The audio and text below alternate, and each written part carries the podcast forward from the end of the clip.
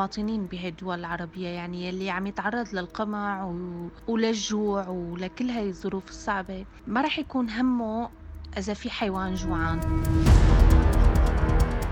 البلدية اختارت في عوض ما أنها تعقمهم تلقحلهم وتخلق لهم ملاجئ باش تحميهم من الشارع. اختارت القنص اختارت أبشع طريقة بطبيعة الحال وهذاك الشيء اللي خلينا آه، كي نبداو ندوروا في شوارع تونس عادي تلقى كلب ميت على الطريق لأنه البلدية بعد ما تقتلوا تخليهم ملوح غاديكا وهذا شيء مؤسف.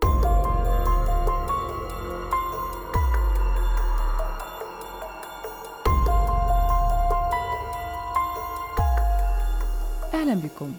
لطالما ظن الإنسان أن كل ما خلق على وجه البسيطة خلق له ليخدم مصالحه ليسهل حياته وليساهم في استمراريتها. الشيء الذي جعله يخمن أنه ملك هذا الكون وأن كل ما تحويه السماء والأرض على ذمته يتصرف فيه كما يشاء وكما يحلو له. أنانية وحب للذات لطالما ترجمهما الإنسان بوحشية مع كل ما حسبه أقل منه رتبة في هذا الكون. لطالما درسنا كذلك أن الإنسان والنبات والحيوان يمكن تجسيد العلاقة بينهم على أنها علاقة ترابط وثيقة لا أهمية فيها لطرف على حساب الآخر. ولكن شاء الإنسان طبعا أن يحول هذه العلاقة التكاملية إلى علاقة استغلال بحت. الكلمة فيها كلمة الإنسان لا غير. حلقة اليوم مستمعينا من بودكاست في عشرين دقيقة منصوح بها بشكل كبير لكل من كان مؤمنا بما كنت أتحدث عنه أعلاه. اليوم وفي عشرين دقيقة ربما تغير رأيك إن كنت تظن ذلك. نصور لكم حجم بشاعة التصرف في الأمانة التي وضعت بيد الإنسان والعلاقة التي صورها الإنسان بشكل عمودي بينه وبين الحيوان. ومن الأكيد مستمعينا لن يفوتنا أن نأخذ طبعا رأي الاختصاصيين في الموضوع من نشطاء لحماية الحيوانات في العالم العربي وكذلك سوف يكون معنا ضيف وهو الدكتور البيطري التونسي بليغ بن سلطانة على غرار ضيفتنا من سوريا الإعلامية والحامية على الدوام لحقوق الحيوانات آلاء عامر.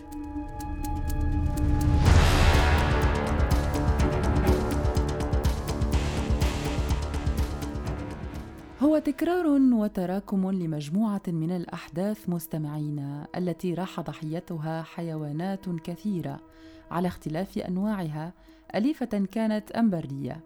نذكر منها التجارب التي تجرى يوميا عليها لإنتاج مستحضرات تجميل أو لإنتاج أدوية جديدة. صيد الحيوانات لاستيلاء على جلودها كذلك كالثعابين والثعالب والتماسيح. أو أنيابها العاجية كالفيلة. أما على ذكر الفيلة مستمعينا فقد استوقفني خبر حادثة غريبة جدا حصلت في بوتسوانا تتحدث عن نفوق 275 فيلا بشكل غاية في الغموض. حيث قالت حكومة بوتسوانا إن هذه الحادثة جدت بمنطقة أوكافان جوباناديل وبدأت الأسبوع الماضي بنفوق 154 فيلا إلى أن وصل العدد إلى العدد الحالي. وهو 275 فيلا مما دفع السلطات لفتح تحقيق عاجل جدا حول القضية لمعرفة الأسباب المتخفية وراء ذلك مع العلم أنها استبعدت كليا أن يكون السبب هو الصيد الجائر لتواجد الجثث سليمة من دون نقطة دم واحدة إذا ما السبب الحقيقي وراء هذه الكارثة يا ترى؟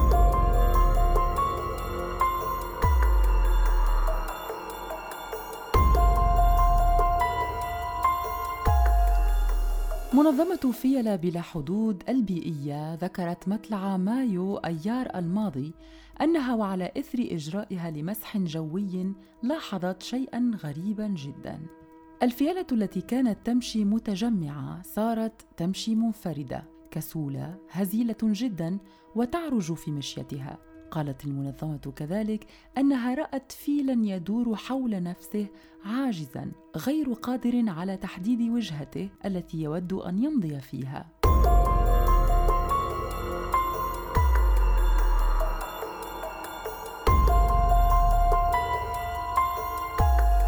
الجزء الأهم في حصتنا اليوم مستمعينا سوف نخصصه لكلام وحديث الاختصاصيين والنشطاء الذين لطالما عملوا من أجل هذه القضية ودافعوا على حقوق الحيوان في العالم العربي. هو صحيح أن علاقة الحيوان أو علاقتنا مع الحيوان ليست مثل علاقة الغرب مع الحيوان، فنحن كعرب لا نعطي قيمة كبيرة لهذا المخلوق الذي هو نفس خلقها الله.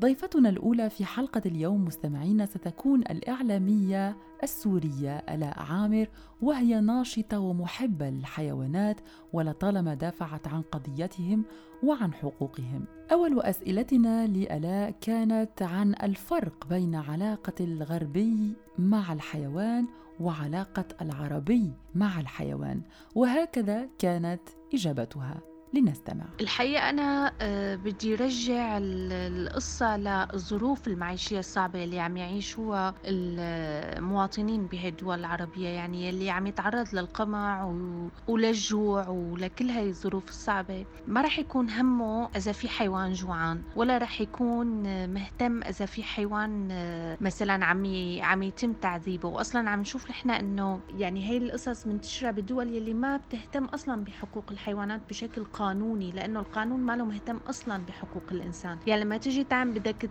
تعملي حملة أو آه، أي نشاط لحتى آه، مثلا إطعام الحيوانات المشرده بالشوارع دائما بتتواجهي بقصة إنه إيه في عالم قاعدة بلا أكل. إنه أول شيء لأنه في هي التراتبية إنه الإنسان أهم من الحيوان ولو إنه أنا بشوف إنه آه، أي روح إنسان أو حيوان هي روح عم تحس بالألم وبالتالي ما في تراتبية بالأهمية إذا الواحد بده يحكي بمنطق إنساني يعني يلي آه، بده يعمل عمل خير ما ما يفترض يهتم آه، مين الأهم إنسان أو حيوان. ولكن لأنه في هي التراتبية بهي الدول العربية ولأنه الانس يعني بشكل عام يعني لما تلاقي ببلد عم يحمي حقوق الحيوان فأنت بديهيا رح تقولي إنه معناتها حقوق الإنسان محمية بهذا البلد. هلا وما فينا نعول على آه، أصلا لا الأنظمة ولا القوانين الموجوده بهي البلدان. في شيء كتير حلو عم يصير بهي الدول آه، إنه العالم عم تاخذ مبادرات صار في درجة من الوعي وعم تشتغل على توعية المجتمع. آه، عم نشوف كتير صفحات على الفيسبوك على الإنستغرام إنه هدول الحيوانات ما بيأذوكم هن بالتالي شركاء معكم بالحياة مفروض إنه تحموهم عم يصير في حملات توعية عم تبلش القصص من هون بما إنه الدول والأنظمة ما بدها تاخذ أي خطوة للأمام والسبب إنه ممكن تتعرض للسخرية مثل ما قلت لأنه أصلا الإنسان ما له اخذ حقوقه فرح تكون نظرة إنه عطوا حقوق الإنسان قبل ما تعطوا حقوق الحيوان. لماذا لا نمتلك بعض عقلية الغرب في التعامل مع الحيوان. سؤال فلسفي نوعا ما. خلينا نقول شنية عقلية الغرب ولا خلينا نفسره أنا عندي مديدة توا نخدم على الغرب اللي ونرى كيفاش يتعامل مع حيوانات ونرى شنية العلاقة. هي علاقة طبيعية. أقل من نجم نقول عليه. على خاطر آه العلاقة ما بين الإنسان والحيوان من أول آه ما تخلقت هذه هي علاقة طبيعية إنه الإنسان يرعى الحيوان والحيوان يكون زاد une partie من حياة الإنسان هذاك. كما نقولوا نحن آه، فما علاقة متبادلة ما بين الإنسان وما بين الحيوان. العلاقة متاع الغرب هي علاقة احترام لا أكثر لا أقل. هو كائن حي خلق باش يعيش كما تخلق الإنسان باش يعيش كما تخلق النبات باش يعيش. والعلاقة تكمن أنه علاقة الاحترام هذيك هي الأساس. وعلى أساس هذاك هما زادوا بناو علاقة حب وعلاقة معناتها قوية برشا. إنه الحيوان وأنا نحكي على الحيوانات الأليفة لهنا مانيش باش نتطرق للحيوانات الكل اللي الحيوان الأليف هذاك اللي يكون القط ولا الكلب ولا فما حتى الحيوانات الجديدة اللي موجود فيهم الببغاء وإلا السلحفات ولا الأرنب. معناتها العلاقة هذه ولات علاقة فرد من العائلة. معناتها هو وقت اللي تولد صغير يلقى يعرف جده عنده حيوان عنده كلب ولا قط وأبوه ربى كلب ولا قط. donc هو وقت اللي يتولد يلقى الكلب والقطوس هذوك من يعيشوا في المناخ اللي هو يعيش فيه. donc بالنسبة لي هذه حاجة طبيعية. كيما واحد يتولد ويحل عينيه يلقى عنده بو ويلقى عنده أم. ما يستغربش. تتولد بطريقة طبيعية. ومن بعد الإنسان هذاك بشوية بشوية يكبر ويولي هو بيدو عنده يحب هو زاده يكون عنده حيوانه الخاص. خاطر العلاقة ما بين الحيوان برشا إخلاص وفيها برشا تبادل معناتها متاع محبة فهمني الحيوان هذاك موجود وقت اللي أنت تعب وقت اللي أنت حزين.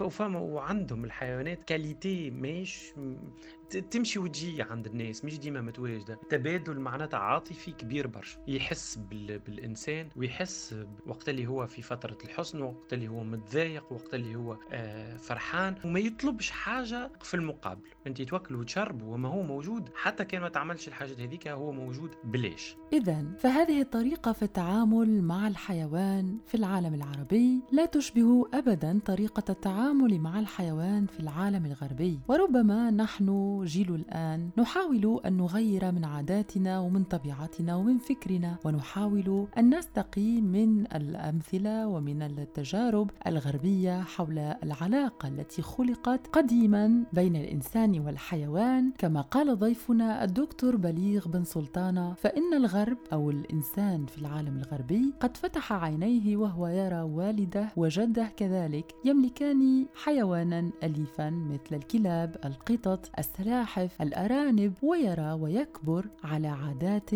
تجعله قادرا على تطبيق قواعد معينة للتعامل مع أي حيوان سيكون بحوزته يوما ما. ولأن المواطن العربي لم يتربى على ذلك ولم يكبر بهذه الأفكار ولم يرى أباه أو جده أو أمه تربي كلبا أو قطا في المنزل فكان من الواجب على الجمعيات وعلى النشطاء الحقوقيين حتى الناس الذين يشتغلون على حقوق الحيوان الحيوانات الأليفة والبرية على حد سواء أن ينشئوا جمعيات للعمل في صلب هذا الموضوع فما رأي ضيفتنا آلاء عامر بهذه النقطة بالذات؟ بالنسبة للجمعيات اللي بلشت آه، تتأسس وتعمل نشاط واضح بالدول العربية آه، بمصر بسوريا بلبنان بكتير دول عربية الحقيقة. صار في ملاجئ للحيوانات المشردة حتى بفلسطين بالأردن آه، عم تكون بجهود فردية تماما.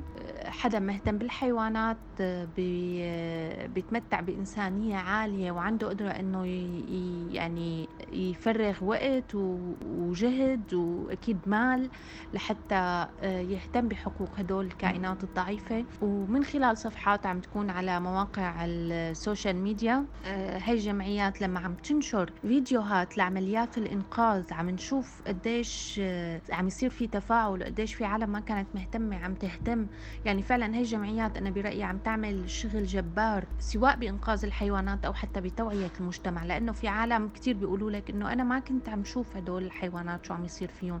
ما كنت عم حس بعذابهم ولكن لما عم شوف الفيديوهات عم شوف كيف إنه آه، جهد صغير من إنسان إنك أنت ماشي بالشارع الطعمي آه، قطع متنوي لأنه جوعانة عم تغير لحياتها. جهد صغير عم يغير حياة كائن وحياة روح آه، فعم يصير في تفاعل عم يصير في اهتمام. وهي جمعيات عم تشتغل شغل جبار. أه بدي أعطي مثال. كوني أنا سورية وعم تابع الوضع عن كثب بسوريا لأنه الكل بيعرف قديش الوضع هناك صعب صعب كثير كثير فوق ما تتخيلي. وبالرغم من هيك عم يقدروا يشتغلوا عن جد يعطيهم ألف ألف عافية وعم يزيد أعداد. كانوا أول شيء بس بالشام بعدين صار في بكل المحافظات. حتى شفنا فيديوهات لعالم بحلب وقت تهجروا ولعالم أه ولسيدة مؤخرا بإدلب كمان. كانت يعني ببيتها مربية فوق 30 قطة. هاي الفيديوهات هي اللي عم تنتشر على ال social media اللي بده يقولوا قديش عم تنشر الوعي قديش العالم عم تشوف إنه هذا الحيوان هو صديق حقيقي وإنك أنت يا إنسان ما في داعي لكل هالتجبر وما في داعي تضل حاطط براسك إنه أنت مركز الكون وإنه الأرض مخلوقة كرمالك وإنه هدول الحيوانات مسخرين لخدمتك هن شركائك ولأنك أنت بتتمتع بالعقل يلي الله ميزك فيه فيفترض إنك ترحمهم وتقوم بأي مهمة وباي مو مهمة خليني أقول تقوم بأي شيء صغير صغير ممكن إنه فعلا يغير لهم حياتهم. على فكره أنا لما أحكي بهذا الموضوع بكون كثير متأثرة لهيك حالي ما بعرف أحكي آه، مثل ما لازم. بس يعني بالفعل اللي بدي أقوله إنه جهد بسيط إنك تحط مي بالشارع بأوقات الشوب تحط بكاسة مي أو بزبدية مثل ما نحن بنقول آه، مي وتحطها على آه، طرف الشارع فأنت عم تقدم لهم مي بالوقت اللي بتكون الشمس فيه كتير قوية والشوب كتير قوي وهن عم يدوروا مساكين ما عم يلاقوا مي هذا الشيء اللي ما يعني ما بيخلي ال ال الإنسان يشتغل آه، أو يبذل أي جهد ولا أي مال ولكن أنت عم تغير حياة كائن. عادة ما يتعرض الطبيب البيطري ليعيش مواقف غريبة جدا مع الأشخاص الذين يمتلكون كلابا أو قطط أو أي حيوان أليف في المنزل.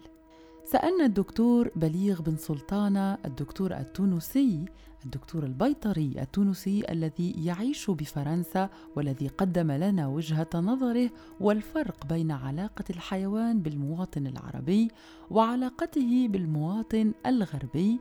سألناه عن المواقف الأغرب التي عاشها طيلة خدمته فأجابنا كالتالي بالنسبة للمواقف الغريبة اللي حصلت لي مع الحيوانات ولا مع الناس اللي تربيها الزوز مواقف اللي حصلوا هذوما خلوني نوعا ما نتعجب من الفرق ما بين الإنسان الشرقي والإنسان الغربي. الموقف الأولاني هو هو وقت اللي كنت نخدم في تونس فما سوق نتاع حيوانات يصير كل نهار حد فما عائلة شريت فما بو شري هز ولده وشري له حيوان. الوليد حب حيوان شري الحيوان وروح به للدار والحيوان هذاك جاني نهار لحد باش يعملوا باش يلقح باش باش يعمل كل ما هو وقاية وهزوا السيد وروح به للدار. نفس الحيوان هذاك جاني نهار الاثنين جابته الأم باش ت abandonner باش تعطيه. على خاطر tout simplement الحيوان اللي شريته يوسخ في الدار.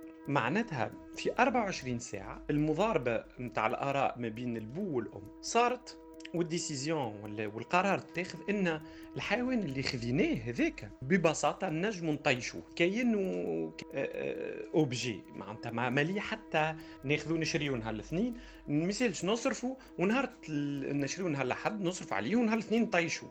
كيفاش معناتها ما نجمناش نلقاو حتى حل وسط حتى نقبلوا الفكرة حتى نحاولوا نتاقلموا مع الحيوان هذايا مدة أسبوع أسبوعين بالكش الفكرة تتبدل. والصغير اللي حب يبدل رأي الأم ما نجمش ما عندوش حتى سلطة. معناتها شد هذا شريناه وعملنا له ولقحنا له كذا ما كريته نهار الحد خذوا وأما عن سبل نشر الوعي فيما يخص قضية الرفق بالحيوان فالدكتور بليغ بن سلطانه أفادنا بالتالي. كيفاش نجم ننشر الوعي باش نولد هالاهتمام بالحيوانات؟ النواة.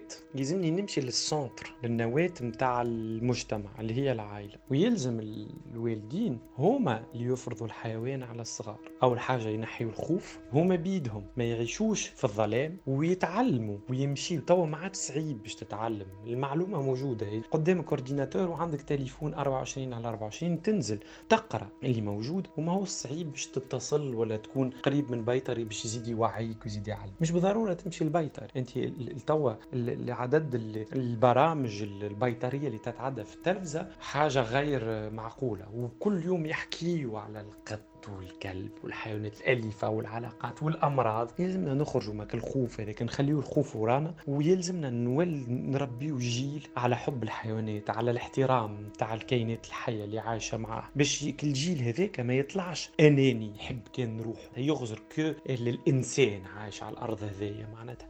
باش ينجم يحترم النبات ويحترم الحيوان وينجم يعيش في بيئة. البو والأم هما النواة اللي باش تربي الصغار على حب الحيوانات. وما فما حتى خوف إنك باش تهدي لصغيرك حيوان أليف وتربيه وانت بيدك تكون عنصر تعطي exemple تاع حب الحيوانات لصغارك. ومن بعد تهنى على خاطر صغارك هذاك باش تزرع فيهم بطريقة أوتوماتيكية وباش يخرجوا باش يخرجوا للحياة هما بيدهم فيهم الشيء هذاك. اذا مستمعينا من عالم عشنا لنرى فيه نفوق الفيله أو لنرى فيه كذلك السوق الرطبه التي انتشرت في مختلف أنحاء القارة الآسيوية وهي السوق التي تحتوي على حيوانات برية مذبوحة حاضرة للاستهلاك. وكذلك من عالم رأينا فيه قتل فيلة حامل. بعد التهامها حبة أناناس محشوة بالمتفجرات في الهند وغيرها من الحوادث البشعة التي نراها يوميا والتي يعاني منها الحيوان على وجه الأرض. كيف تتخيلون أن يكون العالم بعد بضع سنوات لو نشرنا الوعي أكثر ولو أعطينا قيمة أكبر للحيوان كما قيمة الإنسان بالضبط. نطرح هذا السؤال مستمعين ونترك لكم الفرصة كي تخمنوا وتفكروا في الإجابة. كان هذا موضوعنا في حلقة اليوم من بودكاست في عشرين دقيقة. نرجو أن يكون الموضوع قد نال إعجابكم وقد حرك فيكم الشعور بالتعاطف مع حيوانات هذا العالم. شكرا لكم ونلتقي في حلقة قادمة من بودكاست في عشرين دقيقة على راديو الآن. إلى اللقاء.